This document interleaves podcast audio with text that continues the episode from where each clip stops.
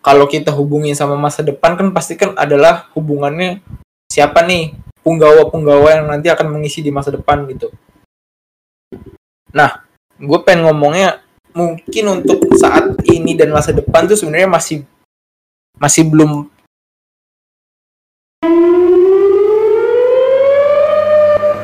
Yo yo yo yo yo. Selamat datang dan kembali lagi mungkin selamat datang ya untuk beberapa orang baru kembali lagi bersama kami yang mungkin sudah pernah mendengarkan terus datang lagi ke kami gitu kan. Buat kalian semua yang pastinya ingin bukan ingin emang pengen gitu mendengarkan podcast dari yang kami sajikan ini tentang sebuah olahraga yang sangat sangat orang sukai pastinya yaitu sebuah sepak bola dan di podcast ini juga memiliki sebuah judul yaitu The Magic of Football. betul yang di mana kita pasti akan membahas seputar sepak bola sepak bola yang ada di luar negeri itu entah itu di, Reo- Ya, di Eropa di Eropa maupun dunia.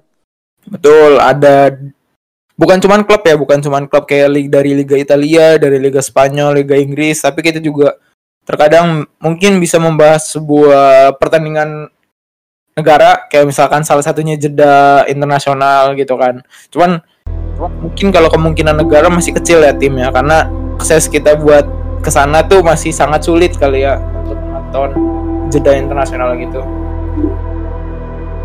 nah Ya mungkin kalau soal itu mah paling yang kompetisi resmi sih kan kalau jadi internasional lebihnya ke friendly match gitu sama kualifikasi kan kualifikasi juga resmi sih cuma kalau kualifikasi kayak nggak banget sih kayak kurang menarik gitu sih.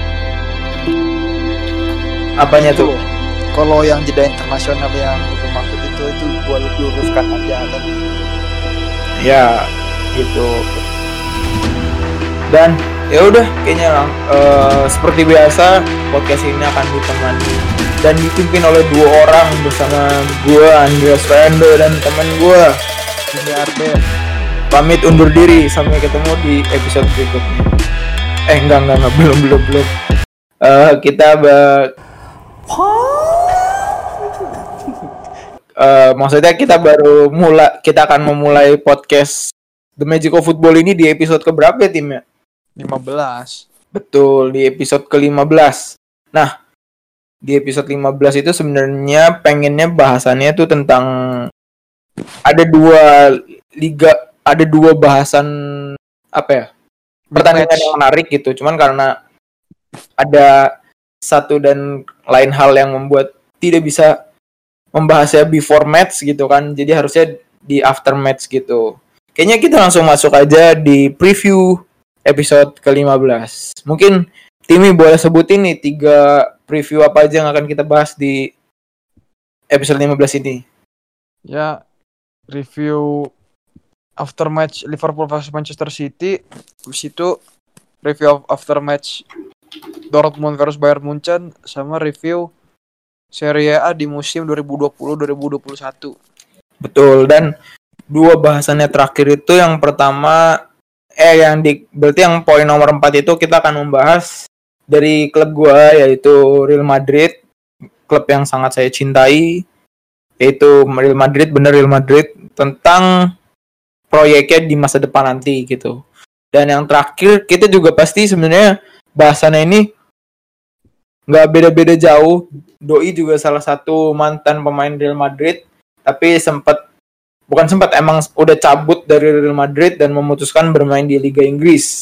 Dan sekarang nasibnya di Liga Inggris sangat kacau tapi bentuk loyalnya kepada klubnya itu emang luar biasa. Ya. sudah pasti itu dia adalah Mesut Ozil.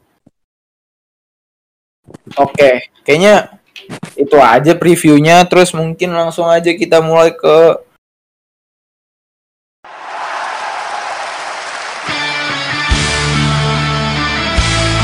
topik yang pertama ya tim ya. Boleh langsung topik yang pertama dimulai dari Bapak Timi. Ya, kita mulai dari yang preview after match after match yang Manchester City Liverpool ya. Ya kalau dari match yang kemarin gua lihat sih Manchester City banyak banget sih bikin peluang. Banyak banget bikin peluang. Apalagi dari Gabriel Jesus sama Kevin De Bruyne bener sih. Emang sih prediksi gue kemarin Liverpool bisa menang pertandingan Islam katakan sebenarnya bagi kemarin Man City juga layak menang sih bisa dibilang pertandingan ini sangat disayangkan sih saat Manchester City dapat penalti. Gagal besok itu sudah baik oleh Bruyne padahal juga bisa berbalik gol lagi. Waktu malam dia bisa Liverpool ya mungkin bahasan dari gue itu dulu. Oke. Kalau apa ya, kalau dari gua sebenarnya eh, kalau tadi tim itu membahas tentang sebuah kesempatan yang sebenarnya bisa diambil oleh ini ya timnya. Manchester City Ya, Manchester City. Cuman eh, di sini eh, menurut gua adalah gua akan membahasnya dari sisi eh, ini. Dari mana? Dari sisi strateginya lah, formasinya lah. Gitu. Karena menurut gua ini eh, ada sedikit ke perbedaan gitu antara pem- pemain-pemain yang mungkin bisa dibilang sebenarnya tuh harusnya bisa lebih maksimal di pertandingan itu kan. Cuman karena di sini kayak menurut gue kayak ada ada apa ya, kayak kayak berbeda aja lah sama strategi yang diberikan oleh Jurgen Klopp kepada klubnya itu gitu. Kalau menurut gue gitu. Karena gini, eh bentar gue buka dulu formasinya City versus Liverpool. Karena kan yang yang kita ketahui bahwa kemarin pertandingan Liverpool lawan Manchester City ini Liverpool menggunakan formasi yang wadaw lah menurut gue. Yang di mana ada Mohamed Salah sebagai striker, Sadio Mane sebagai sayap kiri, saya, eh, seharusnya Roberto Firmino tuh berarti ini posisinya di tengah, entah itu jadi attacking midfielder atau sebagai serangan depan gitu. Tapi di sini juga sayap kanan diisi Diogo Jota gitu kan. Eh, terus di Liverpool sendiri kehilangan dua pemain yaitu yang bisa dibilang apa ya? Kalau Thiago Alcantara tuh emang mungkin belum jadi sosok ikoniknya di Liverpool ya, tapi setidaknya setelah kepindahannya dari Bayern Munchen ke eh, Liverpool ini setidaknya udah ada perubahan-perubahan yang dibawa oleh Alisson eh, maksudnya Thiago gitu kan.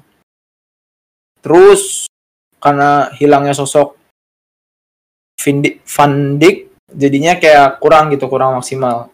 Nah menurut gua kan harusnya tuh sebenarnya eh Diogo Jota kan mainnya tuh harusnya sebagai attacking midfielder aja gitu. Jadi doi orang yang harusnya bisa bermain di posisi attacking midfielder ketika eh ketika jadi ketika Firmino-nya tidak bisa bukan tidak bisa maksudnya bentuk dukungannya sebuah gerakan dukungan kepada Firmino gitu menurut Da- dibanding Salah karena posisi Salah seharusnya sebagai sayap kanan sih karena doi kan ketika di sayap emang bener-bener ininya juga asisnya bagus dan keefisienan dari Salah ketika bermain di sayap kan kayak lebih wow lah dibanding eh Salah main di sebagai posisi center forward gitu. Kayak di sini kan bakal bukan bukan bakal emang kayak jadi nggak maksimal aja gitu permainannya Salah gitu kan. Gitu. Karena menurut gua harusnya yang lebih jadi sentralnya Firmino aja. Gitu. Cuman gak tahu meng- tidak mengerti kenapa Jurgen Klopp menurunkan formasi seperti ini gitu. Gitu kalau dari gua tim. Mungkin kalau dari lu ada tambahan?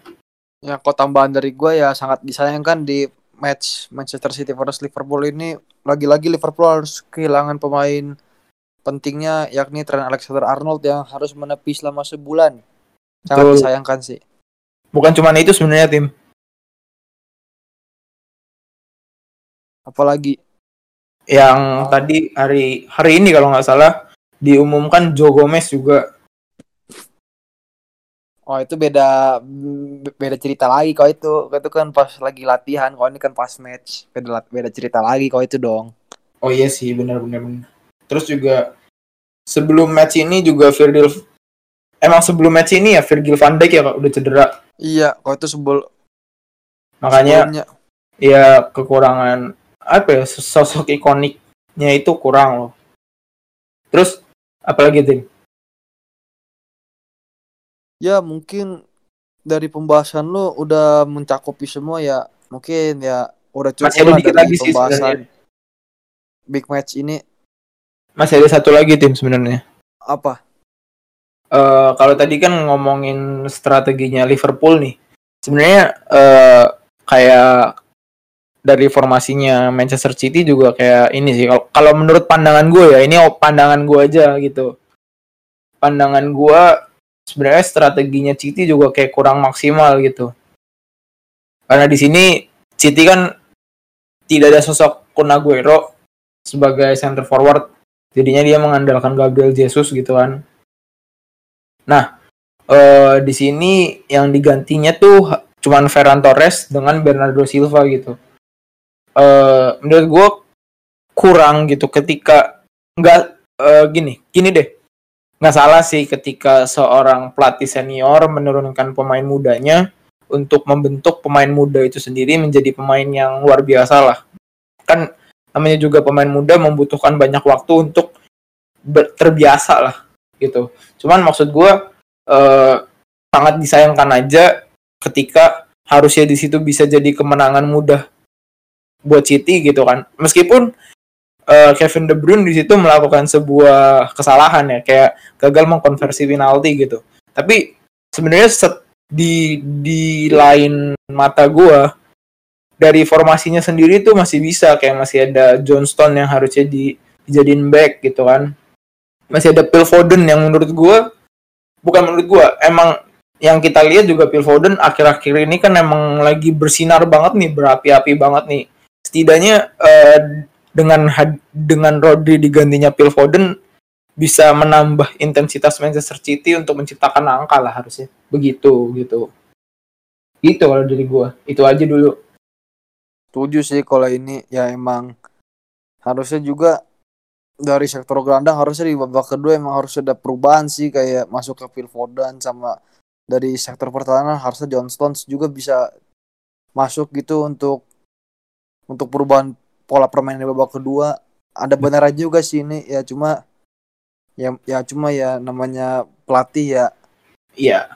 nge-switch pemain ya emang kadang suka random gitu sih Eh, eh, betul betul. Emang, betul. re- emang sih kalau Pep Guardiola emang random banget sih kalau setahu gue emang Iya itu sih. yang belum berubah dari seorang Pep juga Iya pastinya. betul. Paling udah gitu aja tim. Iya, iya gitu dulu sih emang udah mencakup semua sih pembahasan Iya. kita. Oke, kayaknya kita langsung masuk ke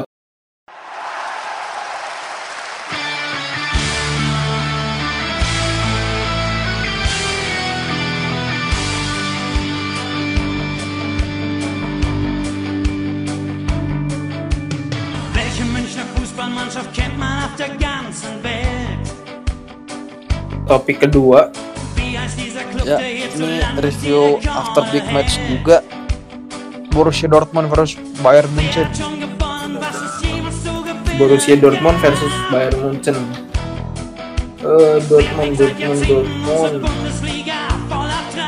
Silakan di topik yang kedua ini Bapak Timi lagi berikan eh, buat eh bukan buat melempar sebuah opini lagi nih. Gimana ya? Kalau dari match ini sih yang dari babak pertama yang awal main ya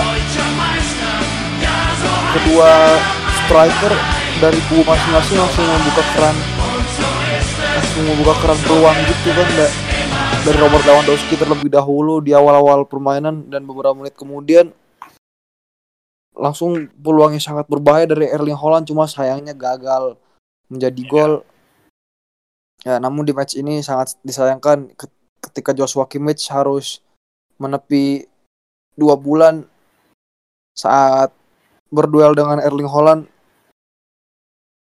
Ya cuma di match ini gua rasa Dortmund lagi-lagi kurang beruntung sih dengan komposisi pemain yang menurut gua bisa ngimbangin squad Bayern tapi harus mengalami kekalahan 3-2 ini.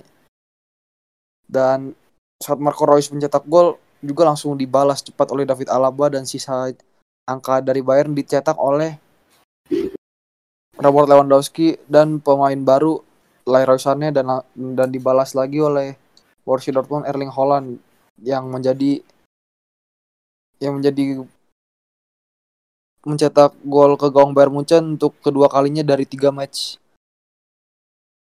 Ya mungkin dari gua segitu dulu sih bahasannya. Ya intinya Dortmund lagi-lagi kurang beruntung sih sebenarnya di pertandingan dari klasikar ini. Oke. Mungkin itu dulu dari Timi. Kalau dari gua kayak berarti intinya sebenarnya yang pengen lu bilang bahwa lu masih sebenarnya ini adalah sebuah waktu yang harusnya bukan sebuah waktu sebuah pertandingan yang Dortmund harusnya bisa menang gitu menurut lu ya timnya. Ya bisa dibilang gitu sih bisa aja. Oke. Hmm, kalau gua apa ya? Kalau gua sebenarnya udah timnya udah padat banget yang timnya omong gitu kan. Cuman kalau dari gua dari emang emang apa ya kalau dari gua paling gini deh. Bor, bukan Borussia, Bayern Munchen. Bayern Munchen adalah salah satu klub yang berbahaya sampai saat ini. Itu berkat dorongan pemain maupun pelatih gitu kan. Sampai di per, di musim ini aja doi masih belum terkalahkan gitu. Hijau semua lah gitu. Eh, Oh itu lima pertandingan terakhir kalau yang benar tuh lima pertandingan terakhir. iya iya maksudnya lima pertandingan terakhir emang belum terkalahkan. Atau emang sebelumnya juga udah pernah udah pernah kalah kayaknya Iya lawan Hoffenheim itu mah yang 4-1. Heeh, gitu kan. Maksud gua eh emang sih eh, di sini Munchen emang lagi apa ya kayak lagi benar-benar berapi-api gitu. Tapi di sini kita bisa lihat bahwa Borussia Dortmund juga berusaha untuk bisa mensaingi Munchen gitu kan. Sebenarnya menurut gua adalah ketika kalau dari kalau lagi-lagi gue dari form- sisi formasi ya. Kalau gue di sini lebih setujunya eh Emre Can tuh dimainin gitu. Emre Can dimainin sama Julian Brand. Julian Brand emang udah masuk. Itu kan sebagai pemain mengganti ya. Iya. Julian Brand pokoknya eh, harusnya tuh sabar. Siapa yang di sini yang gantiin siapa ya? Julian Brand gantiin Jadon Sancho gitu kan. Maksud gua oh Thomas Delaney digantiin Jude Bellingham gitu. Ya lagi-lagi gitu kan kayak hmm, mungkin harusnya Jadon Sancho dibiarin dulu gitu. Tapi yang diganti nih Ted Delaney sama Emre Can gitu. Jadi ketika Axel Witsel sama Ted Delaney ini bisa fokus ke sentral dan mereka Jadon Sancho, Reus dan Giovanni Reina bisa fokus ke sisi depan, sisi sisi depan dan Reus juga bisa jadi apa ya, jadi supportnya si Halan gitu. Ketika ada sebuah chance yang bisa ada bentuk dukungan dari Reus kepada Halan yang bi- bisa menciptakan sebuah angka kan itu kan jadi salah satu dukungannya gitu sih. Gitu. Kalau gue dari itu aja sih. Karena dari kalau Munchen tuh sebenarnya udah nggak nggak perlu diomongin lagi. Paling yang diomongin karena eh, cederanya pemain-pemainnya gitu kan. Di, di musim ini yang di mana tadi udah sempat ini bilang gitu. Eh, di di permainan ini Joshua Kimmich harus menepi dulu karena melakukan tackling tapi pada akhirnya doi salah salah jatuh gitu kayaknya. Iya saat ingin ber, hendak berduel dengan Erling Haaland. Iya, se- sehingga harus menepi berapa bulan tim? Dua ya? Dua bulan, dua. bulan dan ya lagi-lagi gitu kan setelah tadi di topik sebelumnya ada Virgil van Dijk terus ada Alexander Arnold gitu. Sekarang di topik ini harus ada Joshua Kimmich yang menepi juga gitu kan. Nah ya paling gimana ya? Kalau dari gue mah gitu aja. Kalau Dortmund sih yang harusnya lebih lebih diperhatiin kalau menurut gue karena ngapain? Munchen diperhatiin. Munchen dari kemarin-kemarin udah udah bagus kok. Cuman tinggal ini aja sih. Pemain-pemain barunya yang dikasih waktu untuk bermain gitu. Itu dari gue itu dulu. Dari cedera Joshua Kimmich juga ya kalau yang pasti-pastinya yang yang lebih sering menggantikan posisi sih Corentin Tolisso sih. Tapi apakah pemain muda yang masih di bawah umur 20 ini layak gitu buat gantiin jadi seenggaknya untuk beberapa match ke depan ya katakanlah seperti nama-nama seperti Roka, Jamal Musiala dan lain-lainnya gitu. Iya betul betul betul. Betul. Oh iya, udah belum tim? Udah. Gue mau nambahin lagi sih sebenarnya. eh Lucas Hernandez tuh salah satu mantan pemain AC Milan ya, mantan ya. Atletico Madrid. Lucas Iya Lucas Hernandez Atletico Madrid. satunya tuh ada saudaranya lagi kan yang sama-sama Hernandez. Iya itu Theo Hernandez kalau itu beda lagi. Oh itu AC Milan ya? Iya. Nah iya, maksud gua kan eh, di sini kan doi back ya. Iya. eh gue pengen lagi-lagi mengkomentari soal posisi pemain sih. Padahal David Alaba itu sangat bagus ketika main di back kiri gitu. Tapi kenapa di sini David Alaba mainnya di back tengah gitu?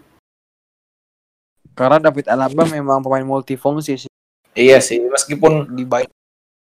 iya benar meskipun multifungsi tapi kayak eh, peran Alaba ketika main di back kiri terus membantu menjadi sa- sayap kiri kedua gitu kayak lebih bagus aja gitu karena di sini ya meskipun Bayern Munchen menang ya tapi kan kayak ketajaman David Alaba sebagai sayap back kedua sayap kiri gitu kayak lebih keren gitu loh. Kayak contohnya yang kemarin-kemarin dari game-game kemarin lah musim kemarin. Gitu. Gitu aja dari gua. Udah itu aja sih. Ya emang ya udah udah cukup sih dari review big match ini. Ya mungkin kita geser ke selanjutnya kali ya. Oke, gini aja deh. Berarti tadi eh, di topik pertama kita udah masuk ke Liga Inggris. Terus juga topik kedua kita Liga Jerman ya tim ya. Yoi.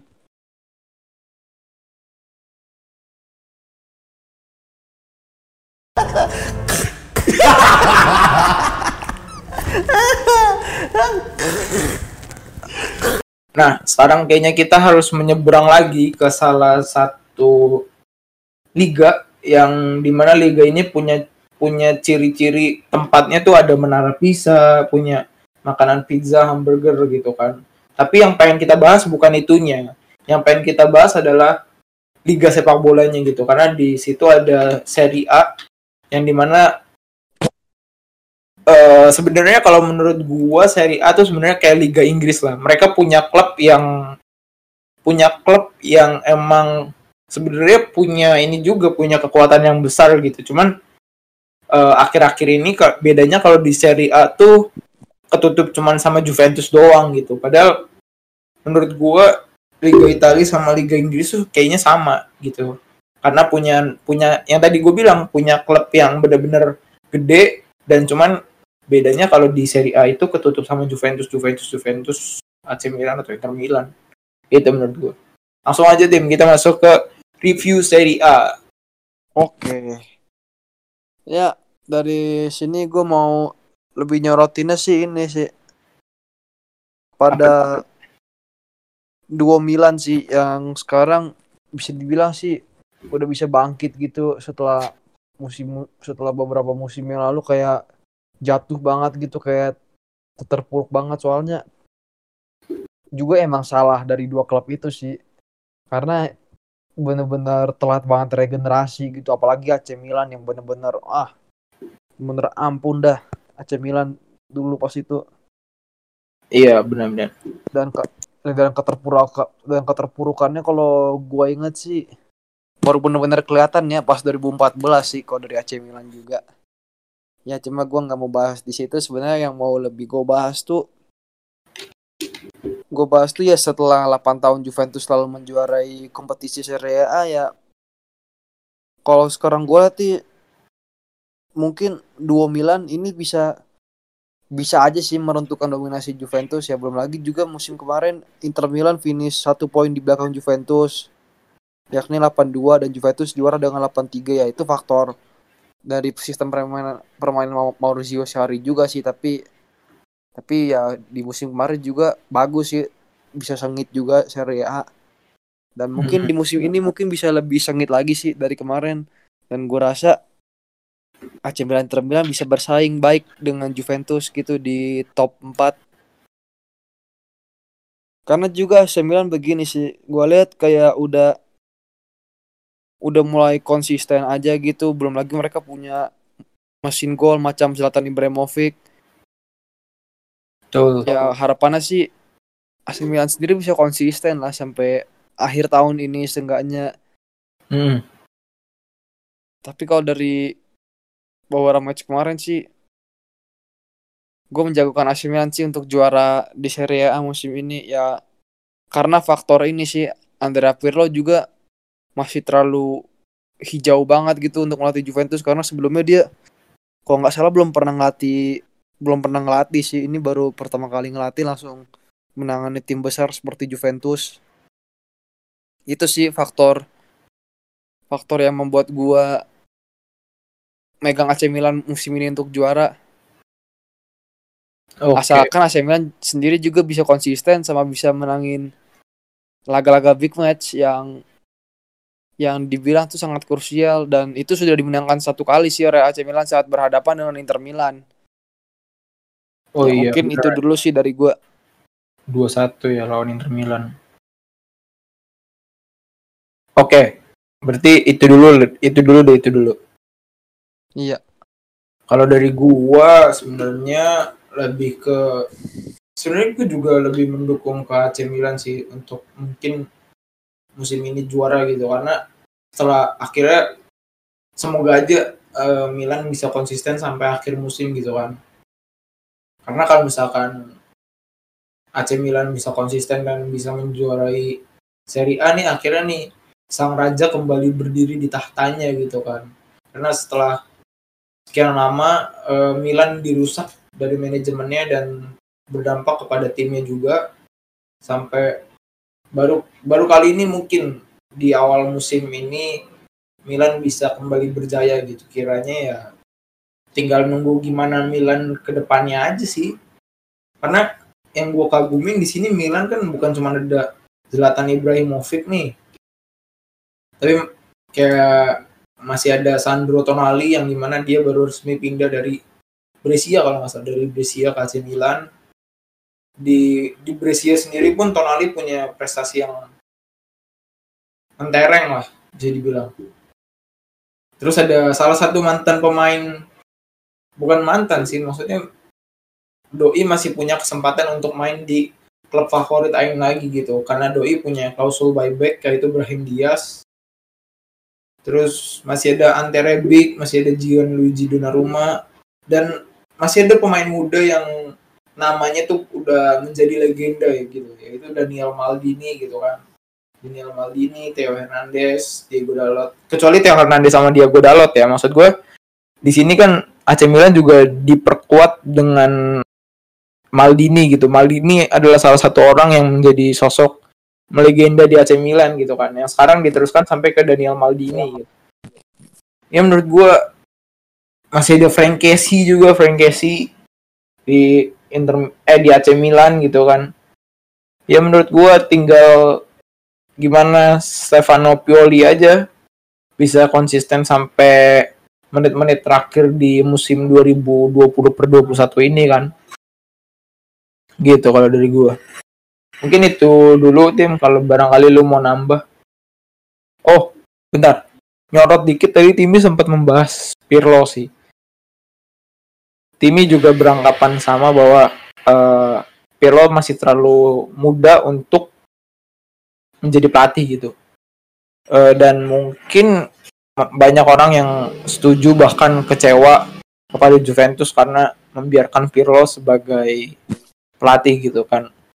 Tetapi kalau menurut gua dari pandangan gua eh gue bahkan gue malah setuju sih.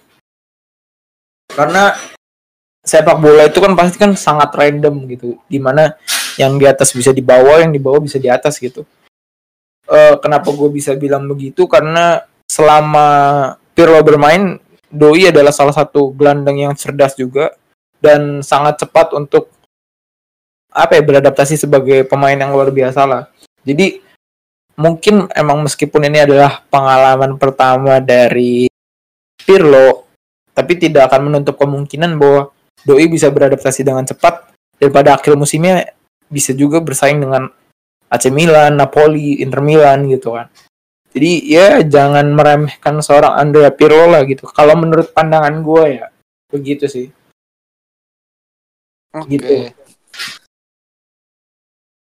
Gitu tim. Ya kalau tambahan dari gua sih ya ini lebihnya prediksi klasemen akhir musim sih. Kalau gue sih top 4 top 4 seri yang sesungguhnya sih. Siapa nih? Pertama AC Milan, kedua Juventus, tiga Inter Milan, empat AS Roma. Itu prediksi AS Roma. gua. Iya, AS Roma. Oke. Top 4 yang sesungguhnya, top 4 yang kayak dulu-dulu banget lah. Oke. Eh kok- itu kalau menurut lo ya? Iya. Kalau menurut gua sih pengennya gini. Eh AC Milan di pertama. Juventus di kedua. Terus yang di ketiganya itu ada Napoli. Dan yang di keempat itu ada Atalanta. Itu menurut gua. Oke. Untuk bentar, untuk eh Inter untuk sisanya tuh di peringkat kelima ada baru ada Inter, keenamnya ada Lazio, ketujuhnya baru sih AS Roma kalau menurut gua. Gitu. Oke, apa alasan lu masukin Atalanta ke Big Four? Kan Atalanta kayak baru-baru ini kayak lagi kayak Ya. jago-jagonya gitu kan. Ya benar. Tapi apa alasan lu Atalanta ada di Big Four lagi? Alasan gue gini, jadi eh kemarin kan Atalanta tuh berhenti di peringkat ketiga berarti ya, karena beda satu poin sama Inter Milan di musim kemarin. Iya nggak tim? Iya bener. Eh, kalau misalkan gua- kalau ke Atalanta sih gue nggak berharap banyak ya karena sampai kalau dari kita bayangin dari musim kemarin emang Doi punya permainan yang apik banget bahkan bisa berhenti sampai di 8 Quarter besar final Champions League. 8 ya 8 berarti itu ya Iya, apa besar? Quarter besar. final.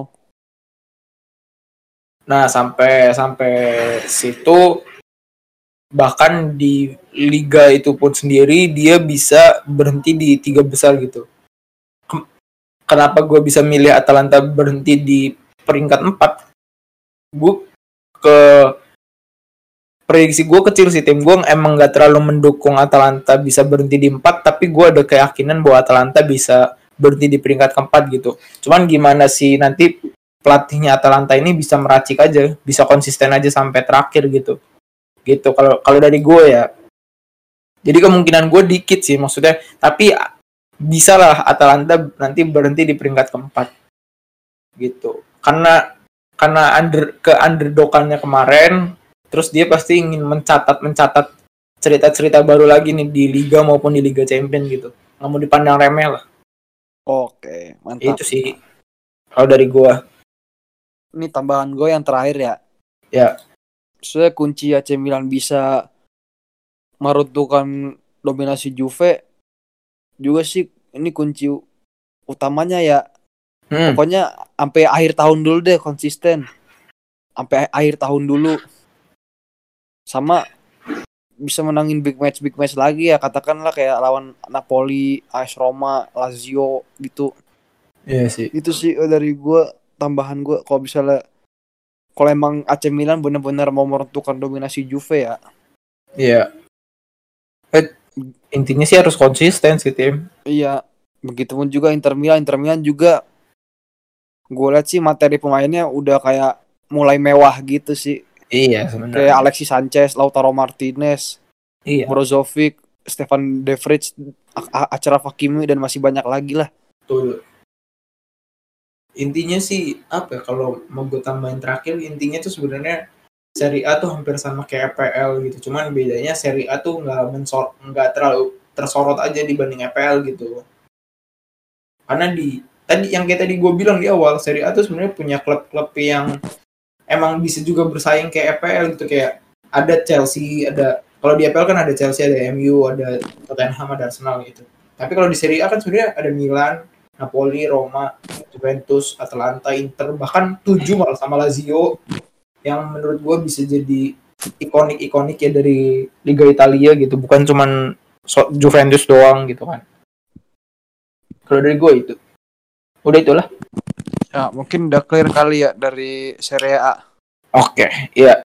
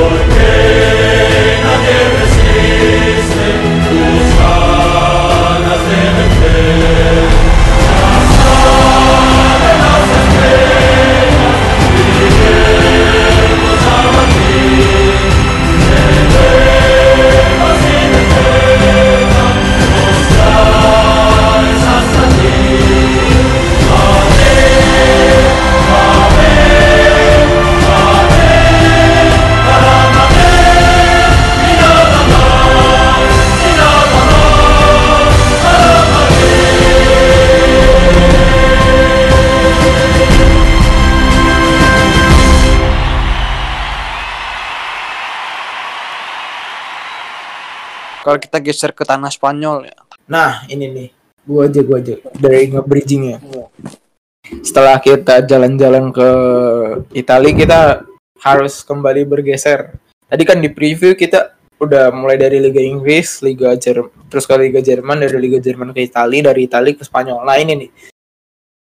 Liga Spanyol ini adalah kita akan membahas di, di topik keempat ini, eh, ya di topik keempat episode 15 kita akan membahas salah satu fans yang bukan salah satu bukan, fans maksudnya salah satu klub yang yang hostnya tuh emang ngefans juga di situ gitu itu eh, Real Madrid dan kita akan membahasnya tentang proyek Galacticos Real Madrid di masa depan mulai dari gue dulu tim berarti Oke. Oke, proyek Galacticos Galacticos di Real Ma- di masa depan. Gue nggak mau nggak mau membahas masa depan dulu deh. Gue pengen nge-breakdown dulu di sini sebenarnya di saat ini siapa aja sih pemain-pemain yang berdiri sesuai posisinya gitu di Real Madrid per 20 per 21 ini. Di Real Madrid dari kiper dulu dah. Dari kiper ada Courtois, ada Lunin, ada Altup, ada Federico. Sebenarnya ada juga anaknya Zidane ya timnya. Siapa ya? Gue lupa. cuma dipinjemin ke Racing Santander sih setahu gua. Oh iya, dipinjemin ke klub divisi 2 kalau nggak salah. Iya, bener. Nah, itu tadi dari kiper, terus dari dari back lah, dari back. Di back tuh ada Mendy, ada Ramos, ada Varane, ada Carvajal, ada Marcelo, ada Militao, terus ada siapa lagi? Eh, Nacho Odriozola. Iya Nacho, Odriozola iya bener. Terus masuk ke gelandang masih ada Asensio, masih ada Isco, masih ada Toni Kroos, Luka Modric, Federico Valverde, eh, Martin Odegaard, gitu kan. Semiro. Iya Casemiro. Terus baru nih di depannya nih masih ada Eden Hazard, masih ada Karim Benzema, masih ada Vinicius Junior, Rodrigo Goes, eh, Luka Jovic, Mariano Diaz dan Lucas Vazquez yang bisa dibilang yang tadi udah disebutin lah, yang tadi disebutin adalah salah satu ada beberapa pemain senior dan ada pemain junior gitu. Nah, eh, terus emang apa hubungannya sama proyek Galacticos di masa depan sih? Eh, Sebenarnya sih keterkaitannya tuh dikit, cuman kalau kita hubungin sama masa depan kan pasti kan adalah hubungannya siapa nih punggawa-punggawa yang nanti akan mengisi di masa depan gitu.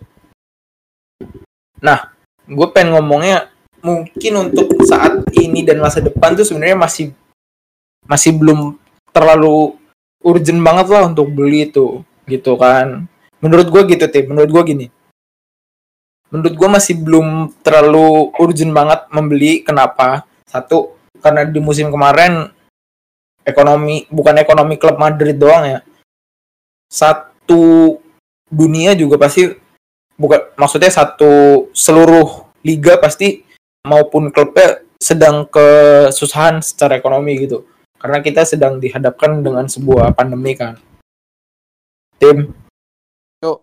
Nah, di mana yang meskipun ekonominya Madrid stabil, tapi apa ya? Menurut gua eh, sangat tidak bijak aja ketika meskipun stabil nih mampu untuk membayarkan gaji-gaji pemainnya, tapi sangat menurut gua kayak kurang kurang aja sih ketika dia mendatangkan pemain baru gitu.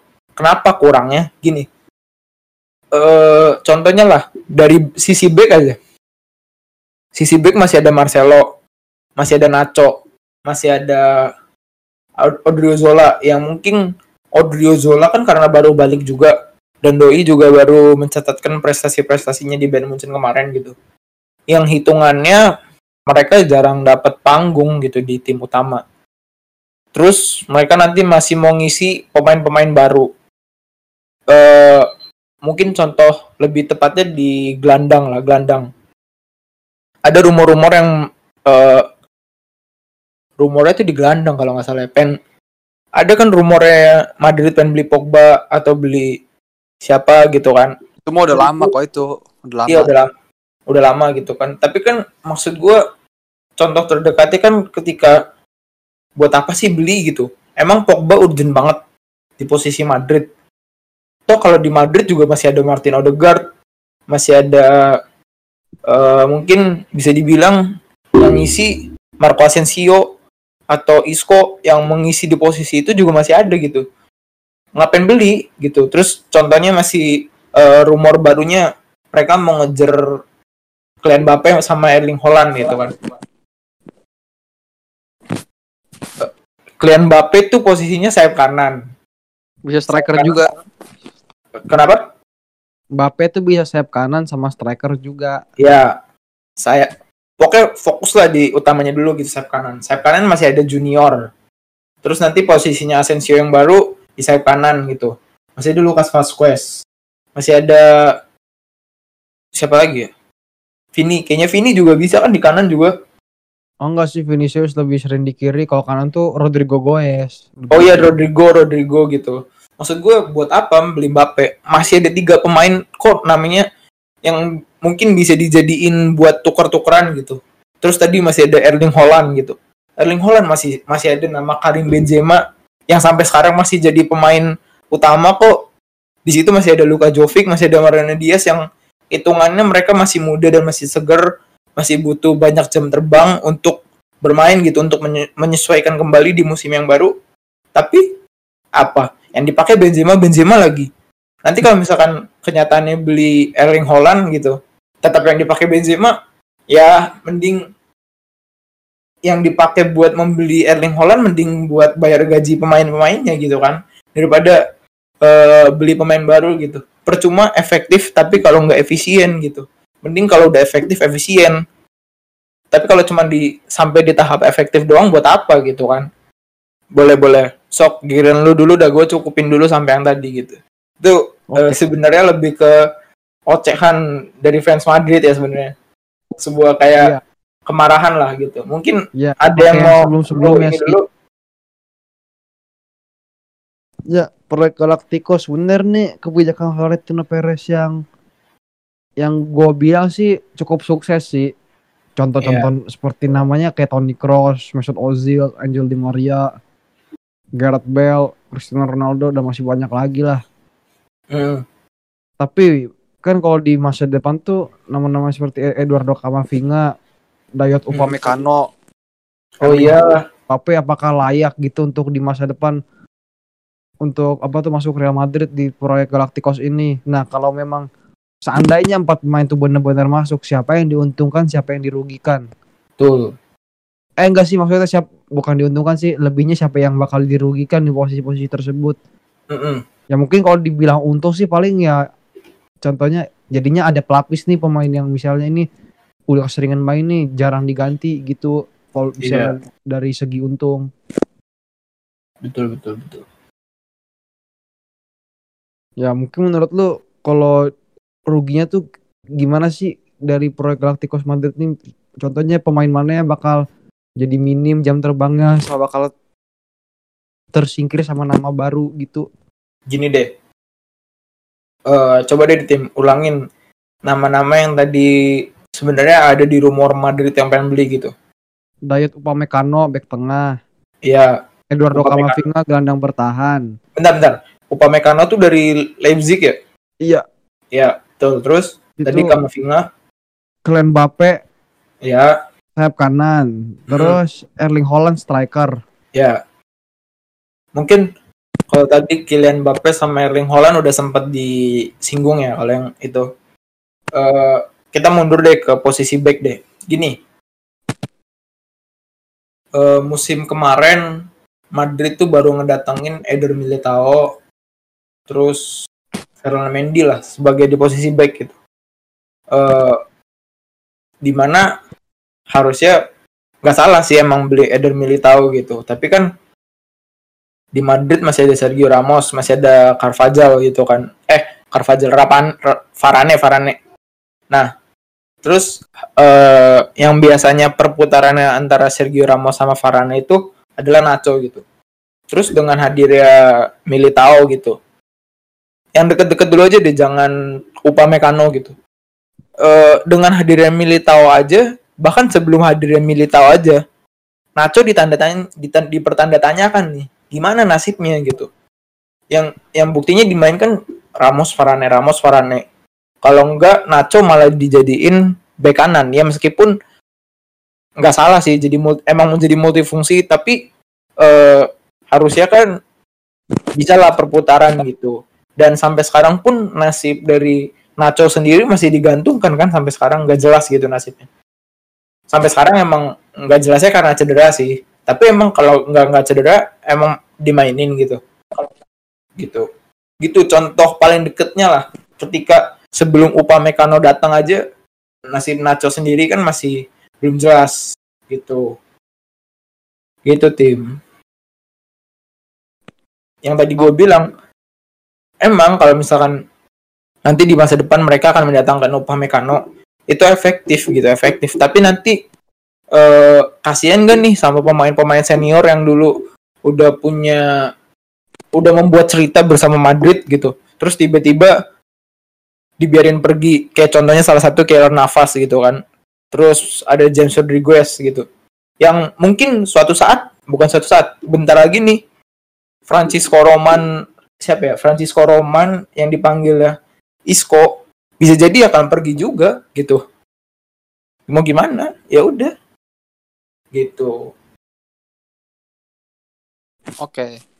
gitu aja dikit lah. Sekarang gue mau bahas ini sih yang e- soal Eduardo Camavinga. Kalau Camavinga kan gelandang bertahan.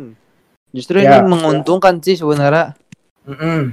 Ini juga buat jangka panjang. Oke, kan utamanya Casemiro. Casemiro juga dika- bisa dikatakan ya belum tua lah. belum Sebenarnya untung jadinya jadinya Casemiro tuh punya pelapis setelah Marcos Llorente dilepas sampai sekarang Casemiro tuh nggak nggak ada pelapisnya sama sekali iya betul gitu. Jadi kehadiran Kamavinga juga ini berguna banget sih jus- justru sangat berguna banget. Cuma ya dari klub asalnya juga minta untuk semusim lagi ya kalau nggak salah ya. Iya Casemiro tuh minta diperpanjang semusim lagi gitu Enggak maksudnya Kamavinganya ini ya maksudnya Oh. dari asal klubnya dimintanya sa- satu musim lagi untuk di Sama Rennes. ya.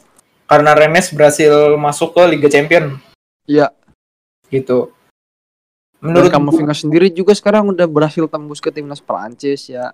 betul Jadi bukti ini pemain muda yang sangat berkelas sih, berkelas Nah. banget. nah gini deh udah belum tim? Lu ngomongnya Udah. gue mau potong gue mau apa ya mau potong sedikit mungkin. Gue mau membalas omongan Timi ketika sekarang tuh ukuran jadi pemain hebat tuh mudah gitu. Cukup punya dua atau tiga momen terus dilirik sama pelatih dari timnas habis itu bisa masuk ke timnas gitu. Udah itu bakal jadi dianggap jadi pemain hebat gitu. Beda sama dulu yang ketika eh Ronaldo lah anggaplah Ronaldo. Dia bisa punya banyak trofi yang baru bisa jadi harganya mahal kan gitu kan. Maksud gue eh gini deh. Ukurannya untuk dibilang setara sama Casemiro tuh menurut gue masih belum cukup gitu sebagai defensive midfielder. Karena eh Doi kan pembuktiannya baru membawa Rennes masuk ke Liga Champion gitu. Nah, apakah nanti dengan hadirnya Kamavinga ke Madrid, dia bisa siap nggak? Karena tekanan dari Rennes sama Madrid itu sangat beda jauh gitu. Maksud gue, eh, seharusnya eh, Madrid juga harus mempersiapkan mental pemainnya dulu gitu. Jangan Kenapa tim?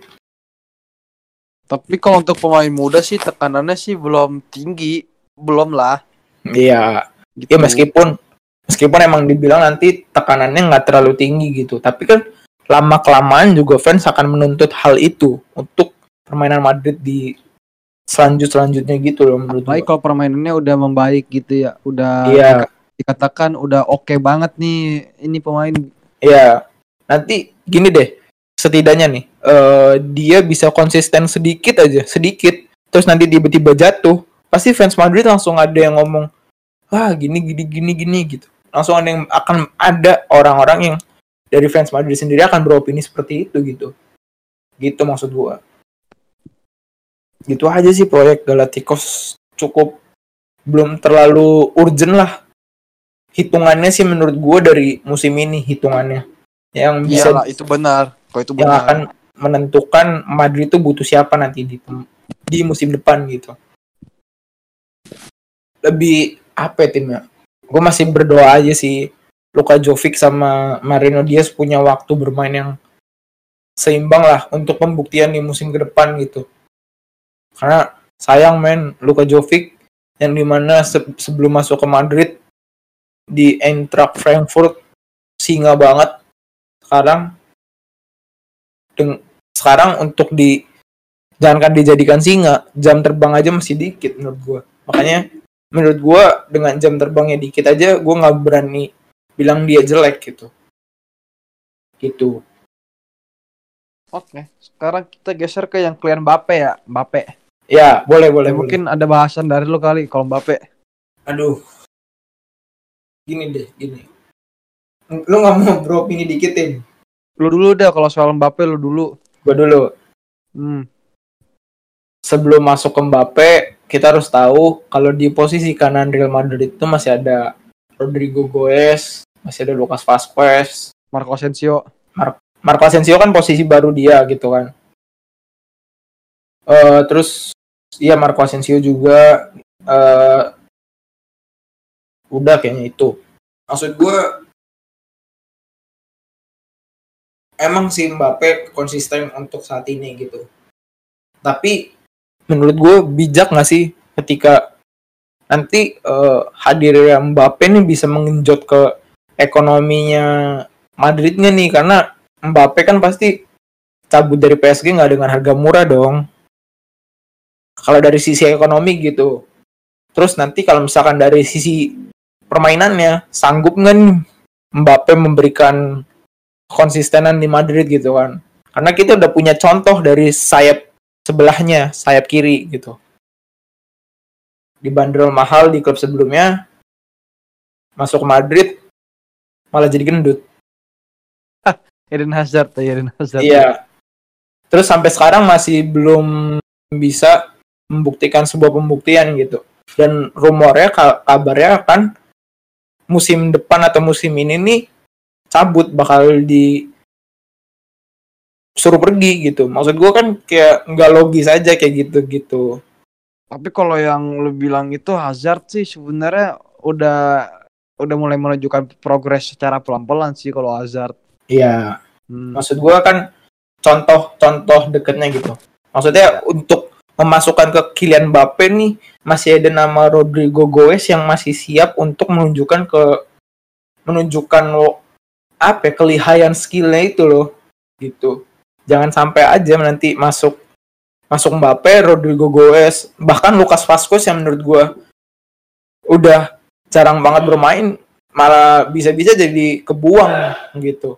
Mungkin kalau Asensio masih ada keuntungan lah. Dia bisa balik ke posisi awal gitu sebagai gelandang serang gitu kan. Iya, sayap kiri juga dia bisa bermain di sayap kiri. Iya, tapi nasibnya Lucas Vazquez yang di mana dia sayap kanan murni pasti akan kebuang dong karena Lucas Vazquez atau Rodrigo Goes pilihannya ya pasti Rodrigo Goes untuk regenerasi.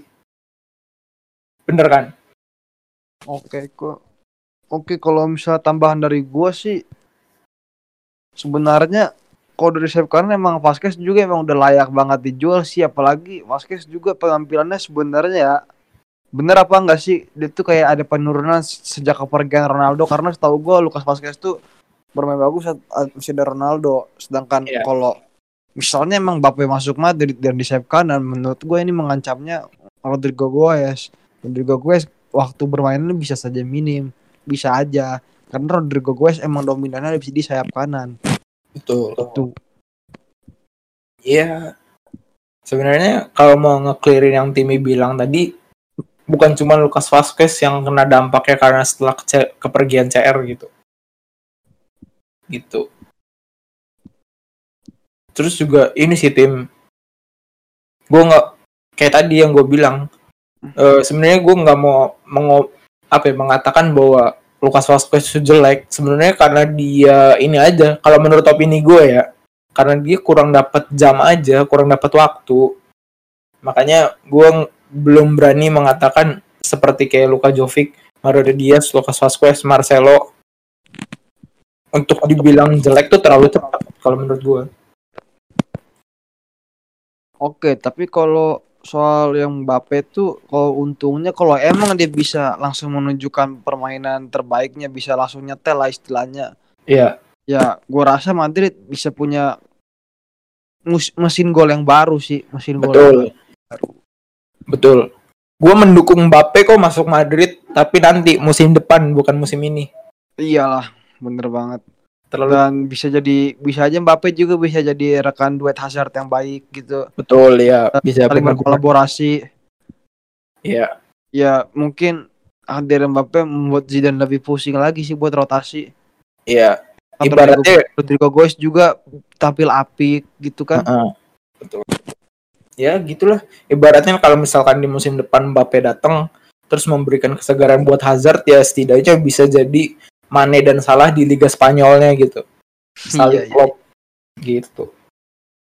Ya kalau misalkan musim depannya tapi kalau datangnya Mbappe jangan sekarang gitu. Kalau karena kalau sekarang menurut gua kayak kurang beretika dan kurang bijak aja untuk mendatangkan Mbappe.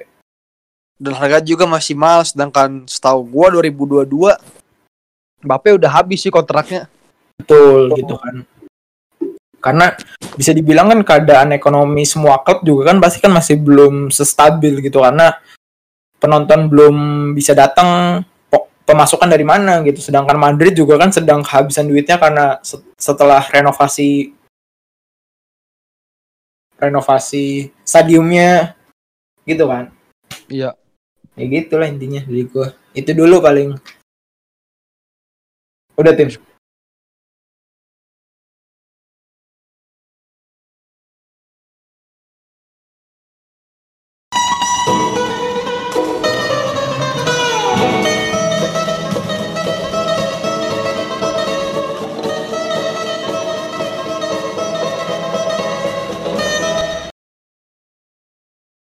Kita bergeser ya kali ya. Langsung Udahlah Erling kayaknya aja. kita langsung bergeser ke kita balik lagi dari setelah dari Liga Inggris, Liga Jerman, Liga Spanyol, eh Liga Italia, Liga Spanyol, kita balik lagi ke Liga Inggris gitu. Di mana di lig- salah satu pemain di Liga Inggris ini yang tadi sempat jadi singgung ya bahwa Doi salah satu mantan pemain Real Madrid juga yang akhirnya memilih berlabuh ke Arsenal di masa Arsene Wenger ya Yoi.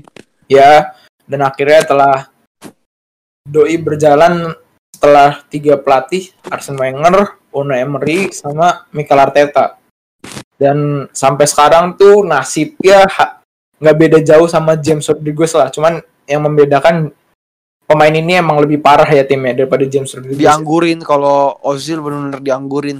Betul. Udah disebut tadi namanya. Dan mirisnya dia dianggurin sama yang dulunya rekan satu tim di Ya. Arsenal. Betul betul betul.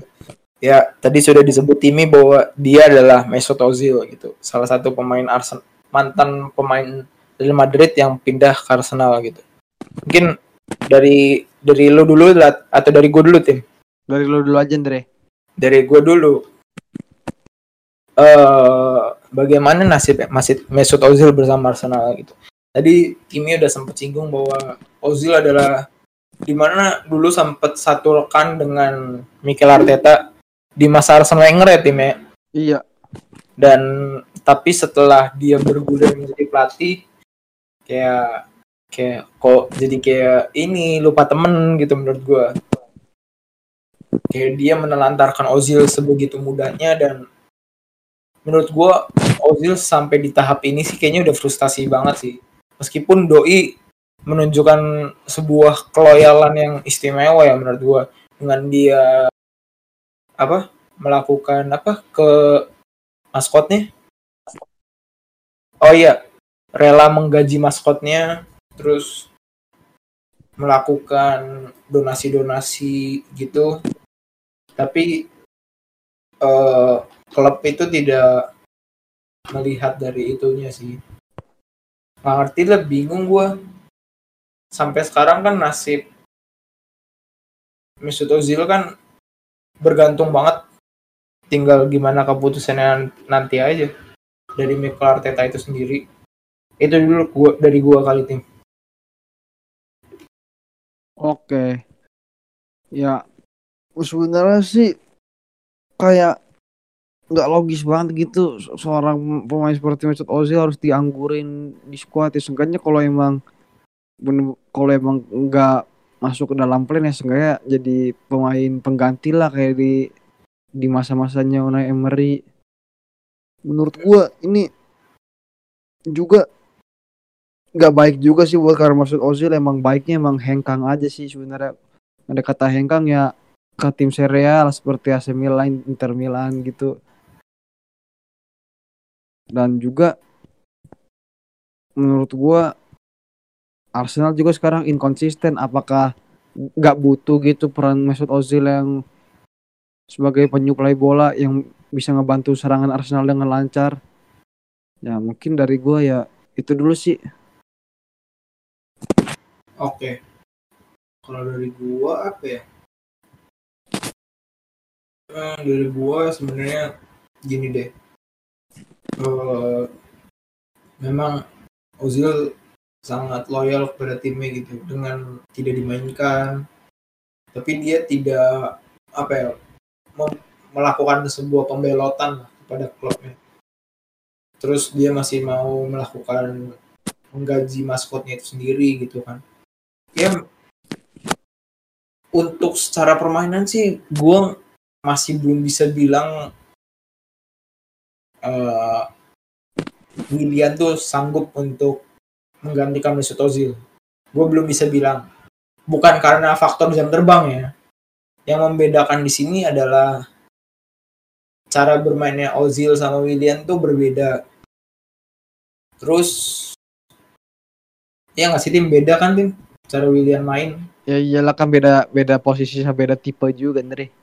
Setahu gua tuh kalau Willian tuh dia emang sama bermain cepet tapi dia lebih berfokusnya kalau ini bisa jadi pencetak gol juga lah. Iya benar, kiring. lebih mencetak gol, benar. Nah, tapi kalau Mesut Ozil ini lebih ke asis sih. Karena Iya, kan dia penyuplai serangan jatuhnya. betul. Karena di Madrid sendiri dia bekerja sama-sama di Maria dengan menciptakan sebuah asis-asis yang gila lah. Makanya eh, dari gua sangat tidak bijak aja gitu ketika Mikel Arteta sampai membuang sebegitunya gitu kan sampai bahkan menurut gue ibaratnya tuh kayak sinar matahari tapi udah udah ketutup lah gitu. Udah di, di gimana caranya untuk ditutup gitu. Sampai sebegitu rusaknya karir Ozil gitu.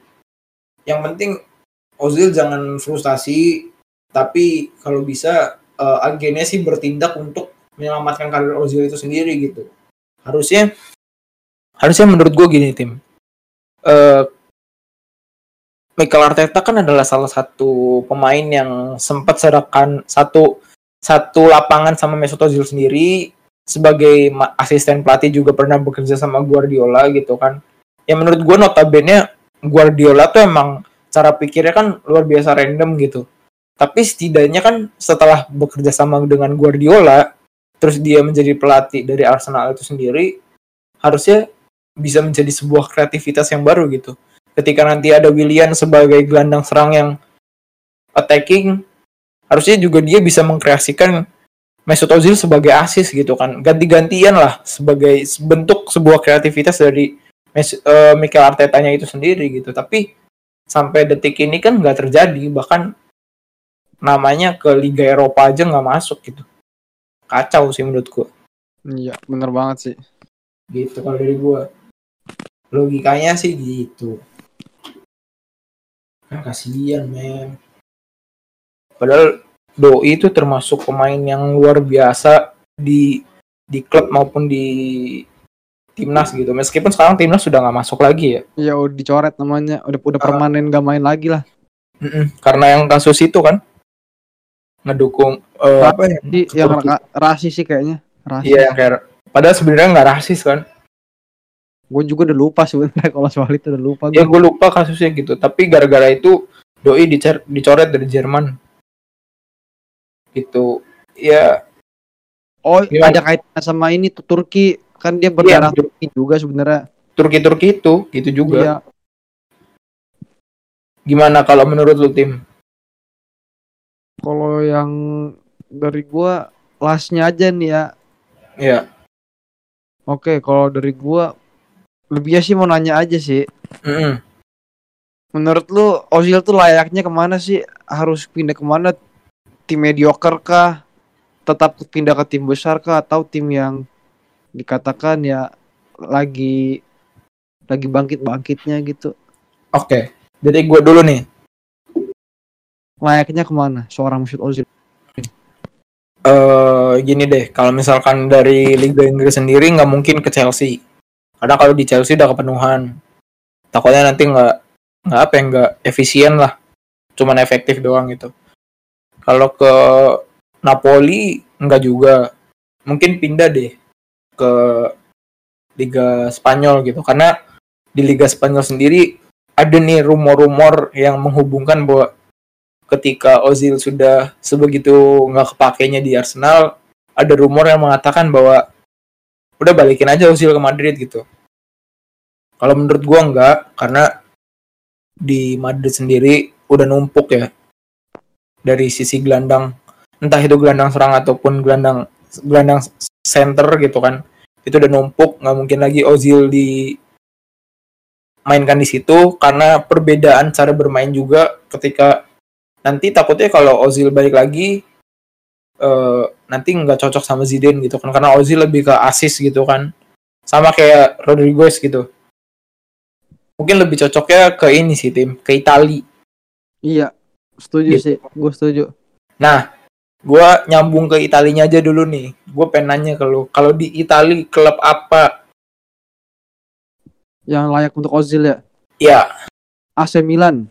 AC Milan. Kenapa tim? Kenapa Kenapa AC Milan? Karena Milan punya mesin gol kayak Ibrahimovic sedangkan Ozil tuh kayak sering banget gitu. Ini kok gua lebihnya ke flashback kayak, kayak sering banget ngasih ke pemain yang notabene-nya mesin gol seperti Cristiano Ronaldo gitu. tuh Itu itu bukan tolak ukurnya sih. Yang Iya. menjadikan tolak ukur Ozil juga bisa cocok aja dengan skema permainan AC Milan dan bisa aja Ozil ngebantu AC Milan di kompetisi Liga Champions. Kalau misalnya Milan musim depan bisa lolos ke Champions League gitu. betul betul betul. Iya sih sebenarnya itu sih.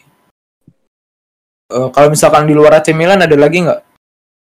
Luar AC Milan itu gue belum tahu sih. Kalau misal di luar di luar AC Milan dia harus main di mana gue belum tahu sih kalau itu. masih tapi masih satu Italia masih di Italia Kalau masih di Italia sih sejauh ini gue lebih prefer ke AC Milan dibanding yang Oh, lain. prefer Kalau AC Milan kayak enggak sih kalau di Inter Milan kan udah ada Erikson. iya Jadi nggak mungkin lagi lah. Oke. Cuma bisa aja kalau misalnya emang Inter Milan mau untuk gantiin Erikson sama Ozil bisa aja kalau emang Inter Milan maunya gitu. Iya sih, bener ya. Gua gua nambahin dikit deh.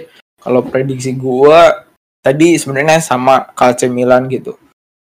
Utamanya KC Milan karena Doi adalah salah satu pemain yang lebih mementingkan asis daripada gol gitu.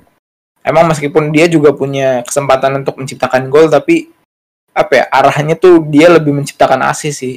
Ya timnya. Dan Iya. satu lagi gue mendukung dia ke ini sih ke Napoli. Napoli sih. Karena di Napoli tuh termasuk yang cara yang gue lihat cocok sama cara bermainnya Gattuso. Kalau menurut gue ya. Gitu tim. Kalau menurut gue tim. Ya mungkin udah clear kali ya topik Ozil. Apa mungkin lu masih punya tambahan? udah gitu aja lah. Ya. Ya sekian dari episode 15 di The Magic of Football. Gua Tim Yarden dan rekan gua Andreas Rando pamit undur diri sampai jumpa di episode lainnya. Salam olahraga. bye bye